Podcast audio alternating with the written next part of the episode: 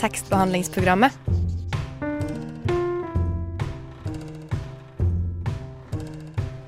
Tekstbehandling på radio.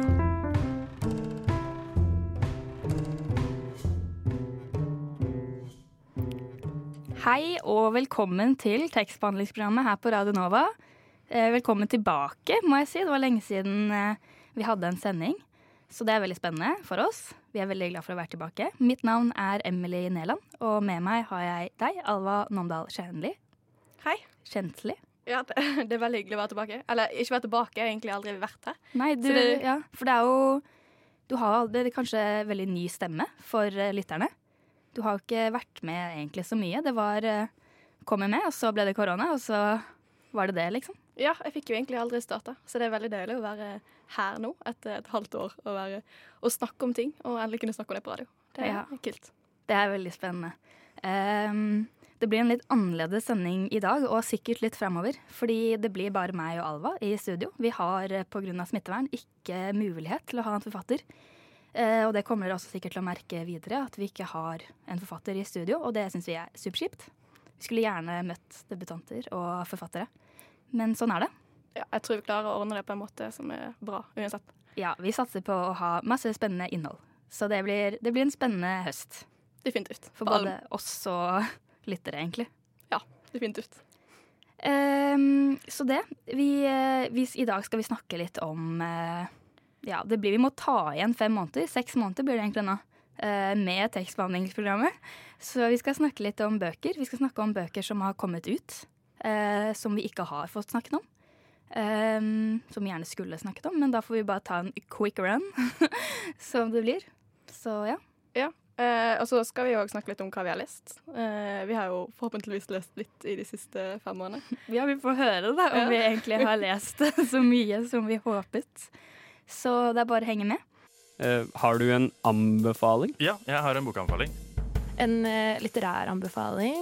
Det må ikke være litterært. Jeg tenkte egentlig å anbefale eh, Tekstbehandlingsprogrammet, TBP. Takst, takst, tekstbehandlingsprogrammet. Så Tekstbehandlingsprogrammet. Det er jo en super, super anbefaling. Ja, velkommen tilbake. Du hører på tekstbehandlingsprogrammet med meg, Emily, og Alva da. Eh, vi eh, skal vel snakke litt om korona, som man gjør. Selvfølgelig i disse dager.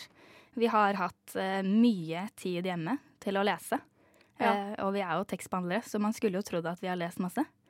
Ja, det skulle jeg òg trodd eh, på forhånd, men det skjedde jo ikke. Men vi kan høre litt hva Det blir jo en blanding av ukas anbefaling og egentlig de siste fem måneders anbefaling. Men eh, hva har du lest, Alva? Jo, eh, jeg har jo fått lest noe, heldigvis. Eh, jeg har lest eh, 'Joanne's Room' av James Baldwin. Eh, Og den var skikkelig, skikkelig bra, så anbefaler jeg til alle. Eh, det handler om det er et homofilt par på, i Paris på 50-tallet. Um, og jeg trodde at den skulle bli vanskelig å lese, eller veldig sånn intellektuell og tungt engelsk, uh, men det var den virkelig ikke. Den var skikkelig levende språk, så kjør på med den. Det er veldig morsomt, fordi både moren min og søstera mi leste den de, i sommer. Men ikke jeg. Nei, hallo, det må du jo ikke skjerpe må jeg lese den. Men det er jo en klassiker, er det ikke? Jo, det er jo en klassiker, og jeg er alltid litt redd for det klassikeruttrykket. For jeg blir sånn Oi, en klassiker. Eh, den må være vanskelig å lese. Men det er ikke tilfellet her. Nei, fordi jeg er også litt sånn Eller da jeg, da jeg tenkte sånn Nå kommer jeg til å få mye fritid, da vi skjønte at vi skulle i lockdown, så tenkte jeg nå skal jeg lese bøker som jeg har tenkt lenge på å lese. Og det er jo ofte klassikere da, som man egentlig har lyst til å lese, men aldri orker å lese. Fordi man tenker sånn Ja, nå har jeg mye på jobb, nå vil jeg bare lese noe enkelt så jeg kan slappe av. Men eh, jeg tok tak og leste 'Forbrytelse og straff' av eh, Dostojevskij, er det ikke? Jo. Ja, det er det. Eh, og den var altså sånn Trodde den skulle være veldig vanskelig. Men eh, den gikk helt greit.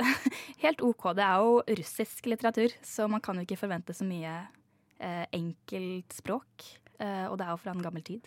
Nei, oi, så interessant at du klarte det, faktisk. Jeg har hørt om mange som starter på den, men aldri kom noen vei. Det er akkurat det. Og det er jo sånn Man trenger en liste med navn for å skjønne hvem alle er. Ja, jeg tenker meg. Um, men hva var det som gjorde at du klarte å fullføre den? Nei, det var vel fritid, da. At jeg hadde tid, og så tenkte jeg at jeg skal klare dette her. Jeg veldig, var veldig motivert. Men jeg hadde den i bokhylla, og da Da er det litt sånn Når du har en bok i bokhylla, så tenker du da skal, må jeg lese den. Ja, det er litt pinlig når noen sier 'har du lest den', og så har du ikke det. Og så står han der. Mm. Det er litt dårlig stemning. Yes, Og så hva annet leser jeg? Jeg leste en litt nyere bok, da. 'Paris-syndromet'. Den er ganske, ganske kjent. Nå husker jeg faktisk ikke forfatter, det var utrolig dårlig. Men eh, det var også en litt lettere bok da, som jeg tenkte den har jeg lyst til å lese. Jeg fikk den anbefalt, og så syns jeg den var veldig fin. Anbefales til eh, spesielt folk da, som flytter til nye steder. Syns det er skummelt. Og så finner man seg til rette, og så er det veldig bra. Uh, hvem var det som skrev Nei, nå husker jeg faktisk ikke. Um, nei, men jeg kan jo snakke om en annen Eller jeg har lest uh, en annen bok som heter 'Kaptein Nemos bibliotek' av uh, Enquist. Uh, per Olav Enquist. Og der er det ikke så veldig hyggelig eh, samfunn, så den passer kanskje ikke hvis du skal komme til en ny plass. Nei, så bare, men den eh, handler om da, to barn som blir forveksla etter de blir født, og så kommer de tilbake igjen til den familien de egentlig skulle komme til, seks år etter.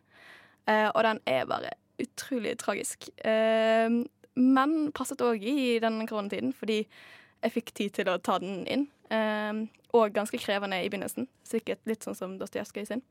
At det er ting som ikke gir helt mening. Eh, men så kommer man inn i det, og den anbefales òg. Mm, er det, er det en, jeg har aldri hørt om den. Er den kjent? Det er ikke den mest kjente av Enquist, men den er Jeg tror en av de bedre han har skrevet. Eh, ja, jeg, ja, jeg vil påstå at den er ganske kjent. Men den er ganske gammel, da. Eller ja, gammel, gammel. Sånn 60-70-tallet. Ja. ehm, som sagt så har jeg aldri hørt om den, men kanskje jeg skal sjekke den ut. Ja. Det var et godt, eh, en god anbefaling. Virkelig. Ehm, jeg, jeg vet ikke, nå er jeg litt sånn Jeg bare tenkte jeg skulle lese masse klassikere, som sagt. Uh, så jeg leste faktisk også Fahrenheit eh, 451 av Raid Bradbury. Oi, ikke verst. Og, eh, men den var nok eh, hakket lettere enn Dostojevskij sin 'Forbrytelse og straff'. Men eh, den var utrolig spennende, spesielt for eh, meg som liker bøker. Den anbefales for alle som elsker bøker. For den handler jo om eh, et slags eh, dystopisk samfunn, da, hvor eh, en person som er en såkalt brannmann Og så snakker man ikke om at brannmenn var der for å slukke brenner, de er der for å brenne bøker.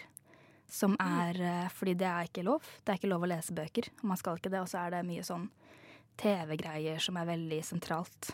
Men det er også mye filosofisk rundt det å faktisk lese bøker. Um, så det er ganske interessant å lese for folk som tenker at bøker er veldig selvsagt. Det blir jo gitt ut utrolig mange bøker. Eh, men da hvis det ikke gitt, blir gitt ut bøker, hva, hvordan får man nye inntrykk da? Det er en ganske interessant problemstilling, syns jeg, da.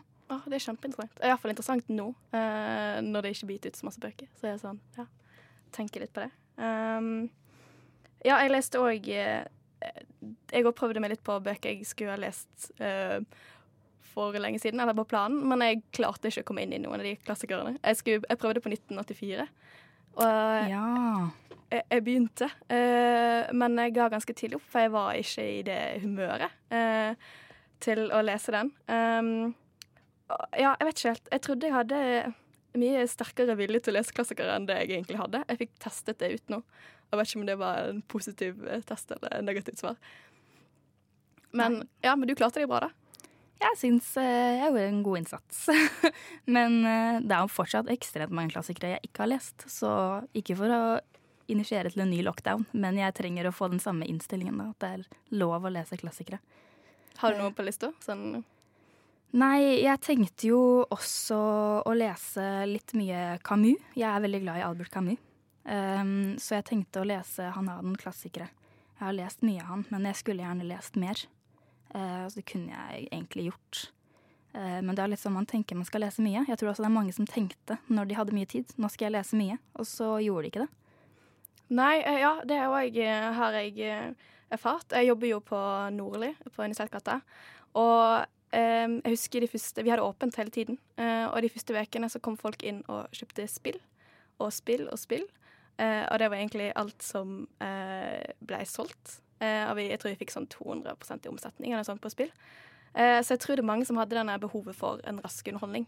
Eh, og på en måte ikke sette seg inn i tunge klassikere. Var kanskje ikke det hovedfokuset til folk flest, da.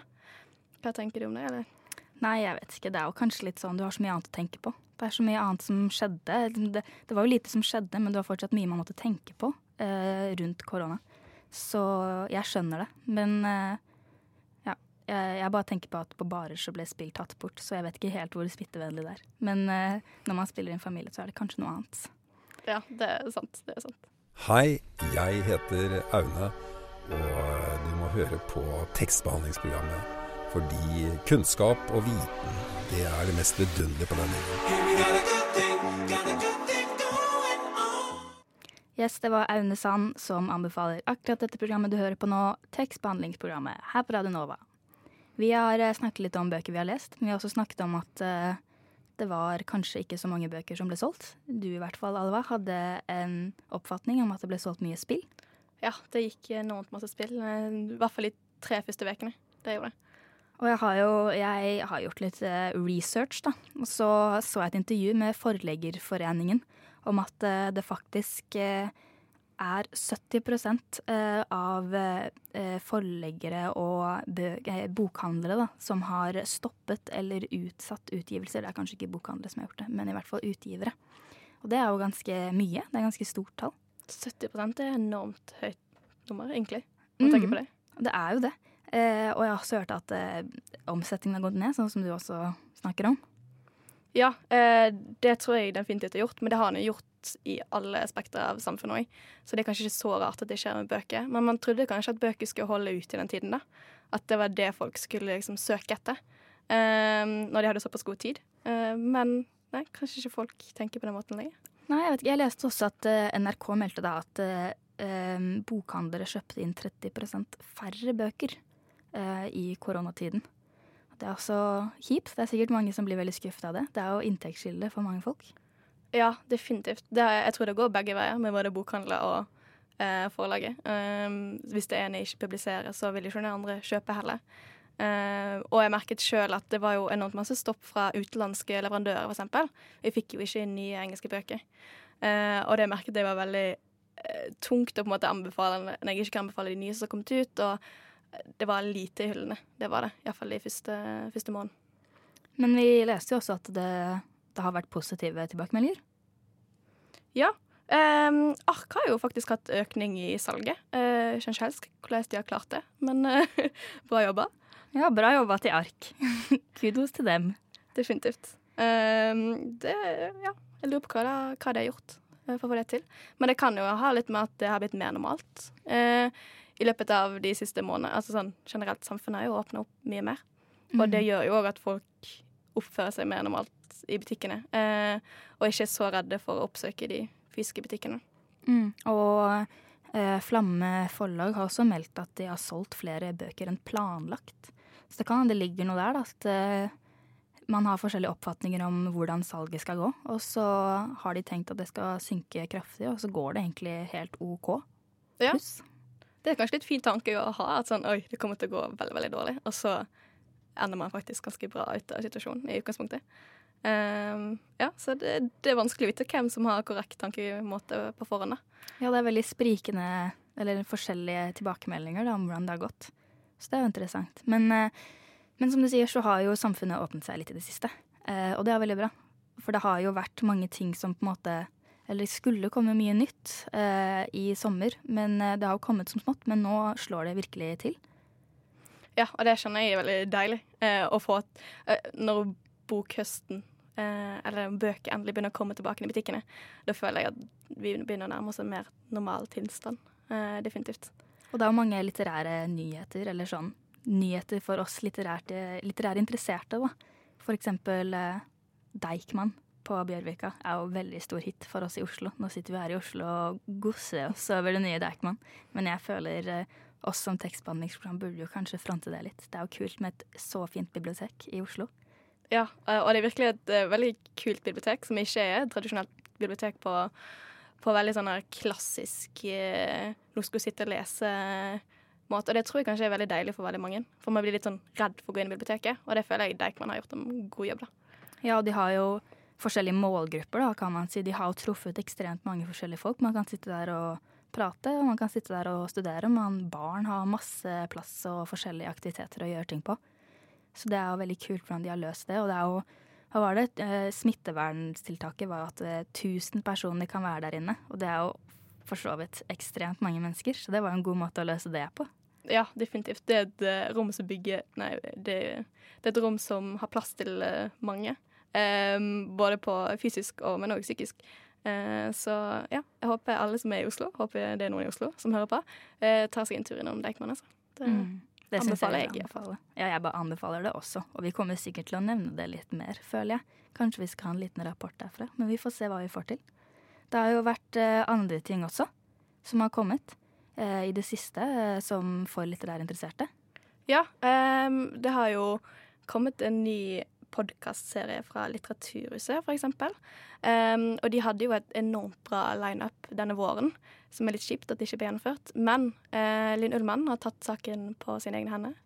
Uh, og um, hatt Skype-samtaler med skikkelig mange kjente forfattere ute. Så jeg anbefaler å høre på den. Den heter How to Proceed. Det er jo en jeg eh, vil ikke si konkurrent for oss, men i hvert fall noe vi kan anbefale andre å høre på. I tillegg til tekstbehandlingsprogrammet. Ja, ja, selvfølgelig. Ikke glem, eh, ikke glem, oss. Nei, men absolutt. Det er et veldig godt faglig innhold der. Det syns jeg, jeg, er veldig bra. Ja, og så diskuterer de òg masse om korona. Eh, eller ikke om korona, ikke sånn sett, men de diskuterer masse om hvordan samfunnet er nå, og hvordan litteraturen kan eh, hjelpe. da. Hvilke forfattere har de å by på, eller har de kommet ut med nå? Ja, eh, De har Alice Smith, hun er første fatteren. Terry Hayes, en poet. Og så siste blir i dag, faktisk. Så så er det Joyce Carol Oates. Det, og det er skikkelig mange bra som kommer. Så det er absolutt å anbefale.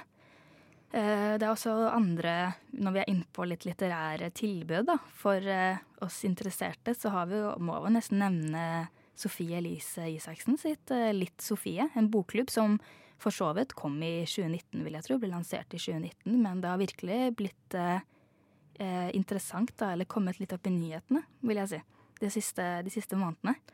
Ja, det er jo veldig merkelig at det kommer en bokklubb nå. Jeg føler den tiden for bokklubber er forbi, om jeg kan si det.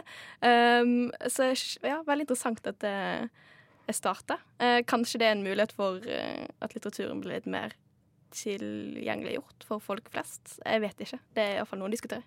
Ja, den har jo på en måte både blitt refset for uh, Nå skal jeg ikke gå inn på så mye kritikk, men uh, den har jo fått litt kjeft, kanskje, for at den gjør litt på sine måter. Men den har også fått mye ros for at den kanskje setter i gang litt litterære tanker hos ungdommer. da. At den kanskje gjør litteratur mer tilgjengelig for ungdommer. Når uh, en så sterk influenser som Sofie Elise promoterer de bøkene det kanskje blir litt en mulighet da, for ungdom å interessere seg i bøker fordi de får såpass, et såpass stort forbilde som sier 'denne boken er bra', eh, les denne her. Så er det jo et forord da, av Sofie Elise eh, i starten av hver bok.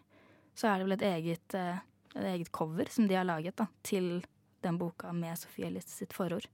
Ja, det er et ganske bra oppsett sånn sett. da. Og jeg tenker sånn Uavhengig av hva bøker det er snakk om, eller uavhengig av eh, hva som blir kritisert, så føler jeg det er en god ting at det blir eh, diskutert, eller at eh, ungdommer faktisk får det med seg. Eh, så ja det, ja, det blir veldig spennende å se hvordan det utvikler seg, og hva slags tilbakemeldinger de får. You have bewitched me, body and soul, and I love, I love, I love. Tekstbehandlingsprogrammet på Radio Nova. Yes, du hører på tekstbehandlingsprogrammet her på Radio Nova med meg, Emily og Alva. Vi Hallo. sitter her og diskuterer bøker. Eh, for det har jo kommet nye bøker. Eh, i sommer? Ja, det har kommet det er faktisk en god del. Kanskje ikke så, man, eh, så, mange som vanlig. Men eh, ja, det har kommet bøker om korona. Selvfølgelig har det kommet bøker om korona. Det har jo det, og det kommer jo kanskje litt nå. Men det har jo også kommet Det kom jo en bok tidligere i sommer da, som var veldig Jeg tror den var veldig sånn Presset litt ut, at Flamme forlag var litt der. Men Aslak Gurholt skrev en bok, 'Korona før korona'. Altså første korona da. Hvor han skriver litt om ja, jeg fikk den i posten, og jeg, jeg leste litt gjennom, og det er litt sånn skrevet om hva korona betydde da, før korona, for det betydde jo egentlig sånn krone eller noe, og diskutere litt det begrepet, da. Ja, det, jo, det, er jo, det, er jo, en øl som heter korona, og det er jo sjukt masse andre ting som heter det, så når det har fått en helt annen betydning, hva har det å si på språket? Det er jo litt interessant. Det, det syns jeg var eh, en, en godt, et godt tillegg til eh, alt korona med ekkel tankegang, at det får litt mer fakta inn, da. Og det har jo også hva var det, Maja Lunde har kommet med en bok nå som heter De første dagene. som også er en slags eh, dagbok. Eh, litt formidling av hva hennes oppfatning av korona var. Eller hennes, liksom, de siste seks månedene, hva hun har opplevd. Hun har fått veldig bra kritikk. Er den skrevet for, eh, for ungdommer, eller er den skrevet for voksne? Eller liksom, er det, vet du noe om det? Jeg tror det er Jeg vet ikke. Jeg tror ikke det er så bestemt, egentlig, hva slags uh, målgruppe det er. Men jeg kan tenke meg at det er unge voksne, voksne, hvem som helst, egentlig. Ja, Vær så god. litt flytende. litt flytende. Så er det altså den tredje boka om korona. Det kommer jo i fyr og flamme her. Eh, 30 dager i april 2020 er eh, en bok av Linn Skåber. Eller det er jo ikke egentlig av Linn Skåber. Hun har samlet masse forfattere. 30 forfattere, skjønte og ukjente. Blant annet eh, Anne B. Ragde, Knut Nærum, eh, Åsne Seierstad, Jan Kjærstad, Unni Lindell og Seshan Shakar har eh, gitt bidrag til den boka. Det er jo en veldig veldig bra lineup sånn sett. da. Veldig bra lineup. Eh, og når jeg ser den nå, så burde jeg tenkt at den må ha solgt bra. Men som sagt, jeg jobber jo på Nordli, og jeg har faktisk aldri solgt den boken. Det er gøy. Men har dere fått den inn? Ja, vi har fått den inn, og vi har fronta den. Eh, men den har aldri vært noe stort etterspørsel til. Iallfall når jeg har vært på jobb. da. Jeg, ikke, jeg har ikke jobbet så enormt masse. Men, eh, så det er litt interessant. Hva skjedde der?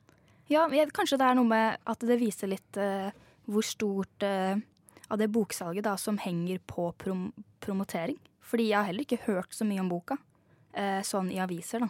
Jeg har, jeg har, egentlig ikke hørt om boka i det hele tatt, før jeg fant ut at, at det var en koronabok, blant andre. Så det, jeg vet ikke, kanskje de ikke har skrevet så mye om den, jeg har ikke lest så mye i avisen. Men det er jo så, såpass kjente navn at den burde vært etterspurt, syns jeg, da. Ja, definitivt. Um, og det med å, å bruke media, sånn, det merker jeg òg veldig. Sånn, den her har vært en anmeldelse i NRK eller anmeldelse her og der, og da blir det enormt stort etterspørsel etter den boken. Så der har virkelig anmelderne en, en stor makt. da. Og en annen bok som har kommet ut, det er jo den Gul boka av Cezan Shakar. Og den har fått mye promotering og i avisene. Definitivt. Og den har solgt så sykt bra. Uh, så det sier jo litt om, uh, om det. Og det kan òg hende at den kom på en litt seinere tidspunkt, som gjorde at OK, nå kan vi begynne å promotere bøker igjen. Eller det har kanskje noe å si med det. Den 30 dager i april kommer jo i slutten av april. Ja, det er kanskje noe med det. At de ikke tenkte så mye på å promotere fordi man ikke kan gå i butikken og kjøpe. Jeg vet ikke helt hvordan det funker. Jeg er ikke noen markedskommunikator på den måten. Nei, definitivt ikke jeg heller. Uh, nei, det er litt spesielt å tenke på. Egentlig. Men har du, har du lest uh, Gul bok? Nei, jeg har ikke det. Men den er definitivt òg på eh, ønskelisten. Så jeg håper jo ikke det blir en uh, ny karantene, men jeg får iallfall litt tid til å lese den framover. Uh, jeg har kjempe, kjempegira på å lese noe av han, egentlig. Jeg har vært litt seint ute der. Ja, fordi Susanne Shakar blir veldig kjent for 'Tante Ulrikkes vei'. Har du lest den? Den har jeg ikke lest. Jeg er jo som sagt seint ute. Uh, men det skal komme inn hit. da. Og så blir jeg alltid litt sånn um, Når det er en bok som får veldig masse hype, så blir jeg litt redd for å lese den.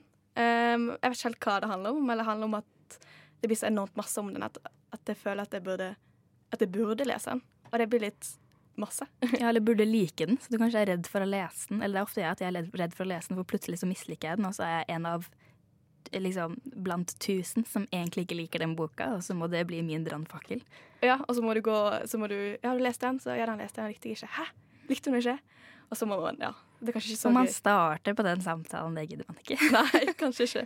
Eh, så, så, min taktikk er egentlig å vente til de er litt, litt, mindre kjente, og så begynne å lese det. Men det skjer jo ikke da heller, så jeg vet ikke helt hva taktikken egentlig er. interessant taktikk. Jeg vet ikke, men den virker interessant. Den handler litt om eh, Jeg leste litt om den, om litt sånn rettssystem og en, en innvandrer som prøver å komme seg inn i i statssystemet, da. Mm. I hermetegn. Jeg vet ikke helt. Jeg har ikke lest den, og det er veldig dumt av meg å drive og snakke om den når jeg ikke har lest den. Men, uh, men den virker absolutt interessant å lese, ja. tror jeg. Og så har jeg jo hørt at den Det er det som jeg synes er litt interessant, at den beskriver Oslo på en litt annen måte enn vanlig litteratur fra Oslo gjør, da. Og som ja. jeg som ikke er fra Oslo. Så er det litt gøy å ha en annen en litt mer eh, annen vinkel enn akkurat den jeg opplever, enn akkurat den de vanlige fatterne opplever. da. Ja, og 'Tante Ulrikke Sveva var også fra et annet perspektiv, da, kan man si, ja. enn kanskje vanlig Oslo-litteratur. Jeg vet ikke, vanlig Oslo-litteratur blir jo teit å si. Ja, det blir veldig teit å si, men eh, den majoriteten så langt, da. Kanskje. Men eh, ja, fordi det var jo norske fattere. Har vi noen eh, engelske fattere å nevne? Ja. Utenlandske? Om vi har. du har en, eh, en liten ting du har lyst til å snakke om nå. Jeg har en, en stor ting, som sett. Um, Twilight. Uh, Stephanie Meyer har kommet ut med en ny Twilight-bok. Og det er jeg skal si det, 15 år siden forrige utgivelse. Eller forrige første boken i Twilight-serien. 15 år. Og her har vi Edvard sitt synspunkt på Som er han vampyren, Ja. ikke sant? Ja. som er han vampyren, Uh, på uh, alt som skjer i første boken. Og jeg bare syns det er så sjukt ballsy å gi ut en bok 15 år etter uh, de du retter boken mot. De er 30 år nå. Vil de komme til å lese denne her? Eh, ja. Interessant. Har du hørt om den i hele tatt? Eller? Jeg hadde ikke hørt om den før du nevnte den, at du hadde lyst til å nevne den her. Eh, så det er jo ganske interessant. Men det er jo noe med det å, å, å ha liksom en serie eller en bok som har truffet så ekstremt eh, hos noen folk, eh, og har blitt en stor suksess. Og så kommer man med et annet perspektiv. Kommer det til å slå like godt an? Det er jo en annen forfatter som også har gjort noe lignende, Suzanne Collins, som har skrevet den kjente Hunger Games-trilogien. Som nå har kommet med en bok, eh, en ballade om sangfugler og slanger. Jeg tror den nettopp er blitt oversatt. Den er i hvert fall på biblioteket, slik jeg har sett. Og det er også Det er jo samme verden, men det er fra da President Snow, som er egentlig den onde, da, eller antagonisten, i The Hunger Games Series. Eh, det er hans, hans perspektiv da han vokste opp. Så det er også på en måte samme De har samme måte å komme fram til å selge en ny bok innenfor en triologi. Og det er jo veldig sånn eh, Har de gått tom for ideer? Kan man spørre om det? Eller sånn, har de, eh, tenker de at dette er en måte å selge nye bøker på, eller er det en Jeg vet ikke hvor gøy eller hvor interessant det er å lese samme historie fra et annet sitt perspektiv. Det er jo selvfølgelig noen bøker som klarer det veldig bra, men når det er en såpass kjent historie som Hunger Games, ehm, så må det være veldig interessant annen karakter den historien kommer fra. Og der føler jeg kanskje Sonny Collins kommer litt bedre til enn Edvard.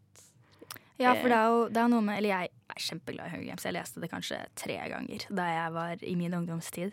Men det er jo noe med det at hun kommer med noe nytt, da. Hun kommer fra et annet perspektiv. Det er fra tidligere, det er forhistorien til det som skjer nå. Hun har sikkert mye på hjertet som hun ikke har klart å fortelle gjennom tre bøker fra på en måte sagt i nåtid, da. Som på en måte er det hvor hun, hovedpersonen, forteller. Mens eh, Twilight da blir jo på en måte at det er samme historie, bare fra et annet perspektiv. Det er akkurat det samme som skjer, så det er en Mm. annen måte å gjøre det på. Definitivt. Uh, Om det er mer vellykka eller ikke, det gjenstår å se. Du må nesten lese begge to for å finne ut det sjøl. Ja, Vi får se om eh, det blir noe hype eh, rundt det. Kanskje det blir en filmadopsjon også. Men vi får vente og se. Er du hypp på å lese en bok, eller? Velkommen tilbake til tekstbehandlingsprogrammet. Vi er her fortsatt, og vi er glad for at du er her fortsatt. Eh, vi har snakket litt om bøker som har kommet ut. Eh, veldig interessant. Men det er også bøker som hvordan skal man si det, ikke har kommet ut, men samtidig skutt opp i, eh, i listene, da. Fordi vi tenkte jo litt sånn det jo, Når det er en krise, så er det ofte en klassiker som kommer ut fra, eller som, som blir veldig kjent. Da. Eksempel hvis man tenker andre verdenskrig, så er det jo mange bøker man, man assosierer med den tiden hvor det var en krise, og det er jo en krise nå. Ehm, så jeg prøvde å gjøre litt research, jeg prøvde å sende litt meldinger rundt. Og høre hvilke bøker tror dere kommer til å bli husket fra eh, denne tiden i 2020. Og da fikk jeg noen svar som var 'Pesten' av Albert Camus.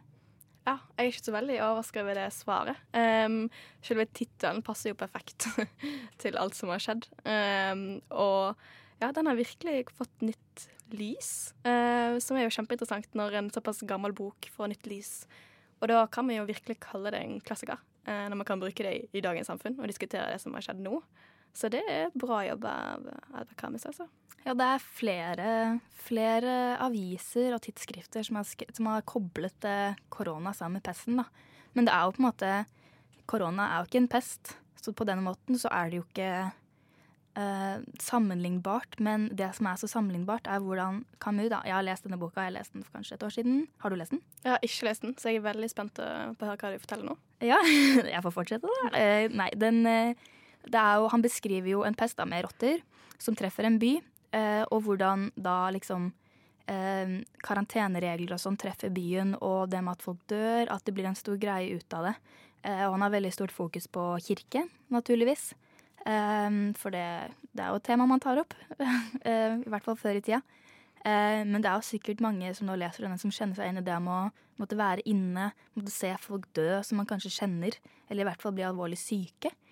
Um, og så er det jo da en, eller hovedkarakteren, da, doktor Jø, som, eh, som, undersøker litt dette og filosoferer rundt dette. Albert Camus er en veldig kjent filosof. Jeg tror jeg snakket om han en del ganger før i tekstbehandlingsprogrammet, så jeg føler det er mitt brand. Men uh, jeg syns den er veldig bra. Uh, og jeg anbefaler å lese den for folk som har lyst til å se en litterær Litt gammel, da. For det blir, ikke, det blir jo ikke det samme som de bøkene vi snakket om for litt siden, med bøker som har kommet ut nå som beskriver korona. Men det blir en Eh, en gammel bok som forklarer fortsatt det vi er i akkurat nå.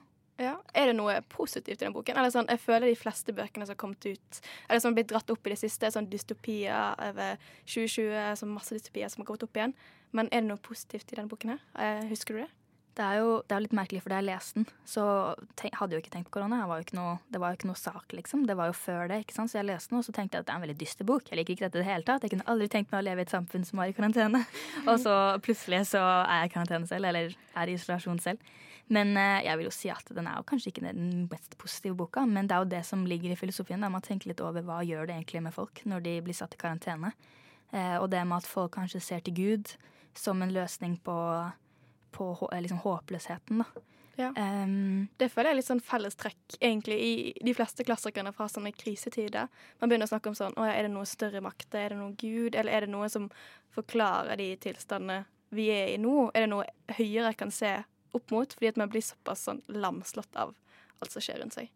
Ja, eh. og, og selv om det på en måte Selv om det, som jeg sier, at det ikke nødvendigvis er en positiv bok som du føler deg superglad av å ha lest, så har den jo som sagt skutt i været i, på salgslister og sånn. Jeg, jeg, undersøkte litt, og så fant jeg en artikkel på NRK om akkurat dette. Eh, og det som står, da, er at eh, den i Italia, så fra, på nettbokhandel i Italia, så gikk den fra 71.-plass til tredjeplass allerede i februar. I februar? Å, det er jo veldig merkelig og veldig interessant. Men Italia traff jo Eller korona traff Italia ganske tidlig. Så det er kanskje det, men den gikk opp såpass tidlig, og det er jo ganske interessant. Og i, um, i Sør-Korea så kapret pesten andreplassen på nettbokhandelen, nettbokhandelen Yes24. Jeg liker ordet 'kapret'. Slåss om plassen for å komme opp. Ja. Men kanskje det ikke hadde så mye Jeg vet ikke om det hadde så mye konkurranse. Andreplass er jo for i 2020, en bok som ble skrevet for så mange tiår siden. Eh, og i Japan også så har salget syv- eller åttedoblet seg. Og boka trykkes nå opp i ytterligere 4000 eksemplarer.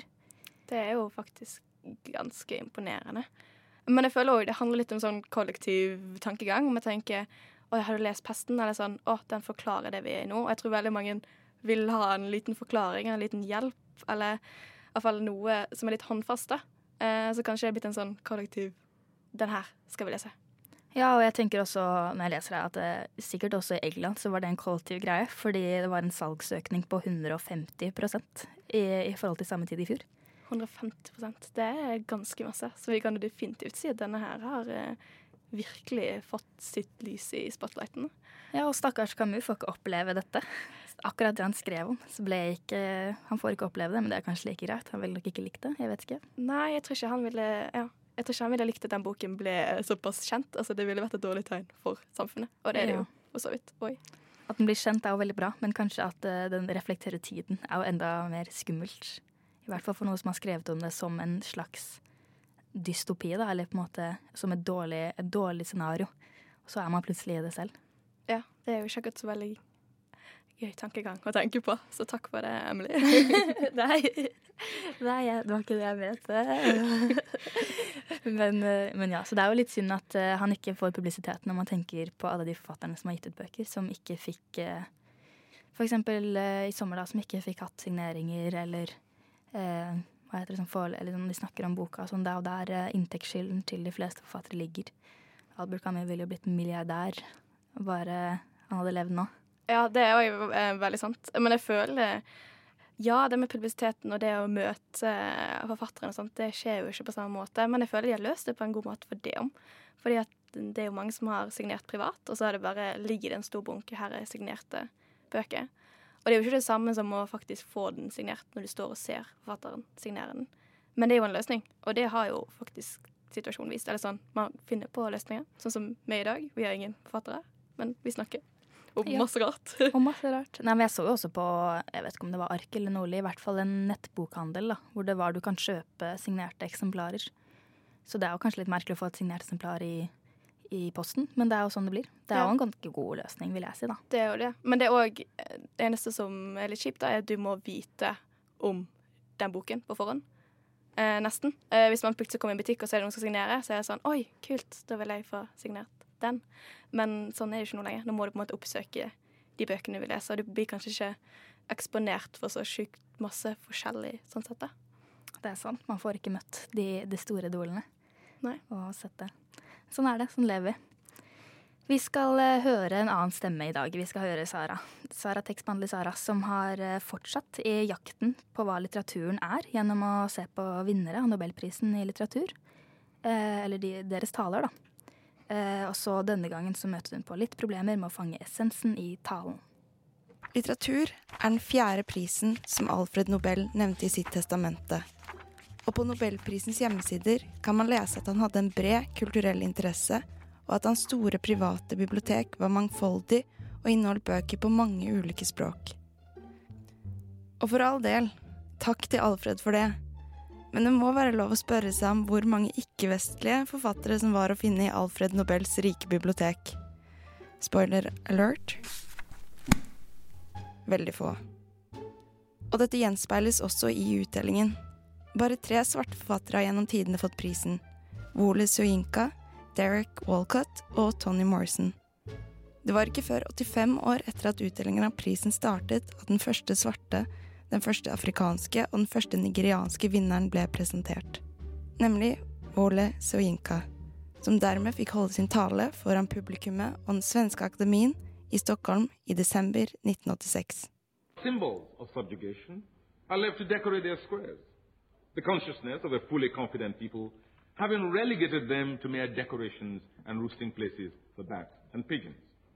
And the libraries remain unpurged, so that new generations freely browse through the works of Frobenius, of Hume, Hegel, Montesquieu, Voltaire, and others, without first encountering, freshly stamped on the fly leaf, warning, this work is dangerous for your racial self-esteem. Det du hørte her, var et utdrag fra Wole Suinka sin tale. Warning. This work is dangerous for your racial self-esteem. Hva om dette var det som møtte deg når du plukket opp en bok av Hegel, Locke, Montesquieu, Hume, Voltaire, som Suinka eksempelvis nevner? En slik advarsel vil selvfølgelig bety ulike ting for meg, en hvit kvinne fra Norge, enn for en ung kvinne fra f.eks. Nigeria. Men det vil uansett dra oss begge inn i en spiral av forvrengte selvbilder, hvor den ene, den svarte kvinnen fra Nigeria, ikke bare kan lese at hun er underlegen pga. sin rase og sin arv, hun er mest sannsynlig ikke engang til stede i fortellingen, og derfor trenger både hun og jeg denne advarselen. Fordi å lese disse forfatterne vil uansett være farlig. Uansett er det farlig, og har vært farlig i flere århundre. Og ja, det er treffende, fordi det er nettopp når Sujinka nevner Hegel, Montesquieu, Olaf Palme, at jeg kjenner igjen navnene. Det er i avsnittene hvor disse hvite mennene nevnes at jeg slipper å ty til min kjære følgesvenn Wikipedia for å få det hele til å henge sammen. Noe jeg må i de fleste andre tilfeller når navn som Samora Makel og Zulukongen Dingan nevnes. Der hvor Voltaire leder meg til et mer eller mindre velkjent terreng, gir resten av Soyinkas tale meg en følelse av å være plassert i en ukjent ørken uten kompass og med en stekende sol over meg. Jeg finner dermed fort ut at å forbli i den 45 minutter lange talen til Soyinka fra 1986 aldri vil være tilstrekkelig. Men til forskjell fra Voltaires kjente og utforskede hage, fører Soyinkas tale meg til helt nye steder. For han er ikke bare en forfatter som har viet livet sitt til litteraturen. Han er også en aktivist og frihetsforkjemper, som ennå gjør seg gjeldende som en sterk stemme i offentligheten. Og selv om porten ut fra Voltaires hage er tung å åpne, med sine rustne hengsler, er det klart at det er utenfor det viktigste og mest relevante foregår. Og det er dit Wole Soyinka leder meg når jeg begynner å utforske navnet hans og de hendelsene han nevner i talen sin. Jeg får et glimt av Nigerias og Afrikas historie, den politiske situasjonen i Nigeria fra 60-tallet og opp til i dag, Nigerias siste presidentvalg i 2019. Jeg oppdager organisasjonen Society of Young Nigerian Writers, som Suyinka har vært med å starte opp, noe som åpner veien videre til unge kvinnelige forfattere i Nigeria, som ifølge Suyinka skriver noe av den beste moderne litteraturen i dag. Så istedenfor å se på nobelprisen i litteratur, er det heller kanskje Suyinkas egen litteraturpris, Ole Suyinka Prize for Literature in Africa, man burde se nærmere på. For there is a gruesome appropriateness in the fact that an African, a black man, should stand here today, in the same year that the progressive prime minister of this host country was murdered, in the same year a Samora Machel was brought down on the territory of the desperate last-ditch guardians of the theory of racial superiority, which has brought so much misery to our common humanity. Dette sa Ole Soyinka i sin tale i 1986. Og kanskje er det på samme måte også grusomt passende å se gjennom vinnerne av nobelprisen i litteratur og dra fram den første afrikanske forfatteren, for så å påpeke hvor stor mangel på kunnskap Soyinkas tale avdekker hos meg. Men kanskje er det også denne talen som åpner en mulig fluktvei fra Stockholm og ut i andre ukjente deler av verden, hvor man kan finne litteratur merket med This can be good for your racial self-esteem. Hvis du vil lese Wole Suinkas tale i sin helhet, kan du finne den på nobelprice.org, eller du kan høre et opptak av den på YouTube under navnet Noble Lecture by Wole Suinka, lagt ut av brukeren Bioenergy Med by Dennis Haruna. Hallo, mitt navn er Knut Nærum, og du hører på tekstbehandlingsprogrammet. Jeg går i hvert fall ut fra at du gjør det. Yes, du hørte på tekstbehandlingsprogrammet. Vi er nesten ferdig. Vi er ferdig for i dag. Det var alt vi rakk. Eh, Det var veldig hyggelig at du hørte på. Eh, Neste uke så blir det Bokhøsten som tema. Eh, Så det må du bare sjekke inn på. Og Alva, hvor kan man høre man, eller hvor kan man sjekke ut hvis man har lyst til å høre på tidligere sendinger eller vite mer om oss? Da kan du sjekke ut Facebook, selvfølgelig, Instagram, og der du hører podkast. Enten Spotify, Soundcloud, det som passer best for deg, egentlig. Men så var jeg òg en viktig melding til alle våre kjære lyttere der ute. Um, hvis du er student, hvis du syns vårt program er spennende, så må du følge med på Facebook de neste dagene. For vi trenger nye medlemmer, og ønsker gjerne å ha deg her med oss. Så tekstbehandlere der ute, fremtidige tekstbehandlere, bare søk. Følg med på Facebook, og så kommer det snart et arrangement, link osv. I studio i dag så var meg, Emily Neland. Og meg, Alva Nomdal Kjensli. Og tekniker var Ragnhild Bjørlykke. Tekstbehandlingsprogrammet.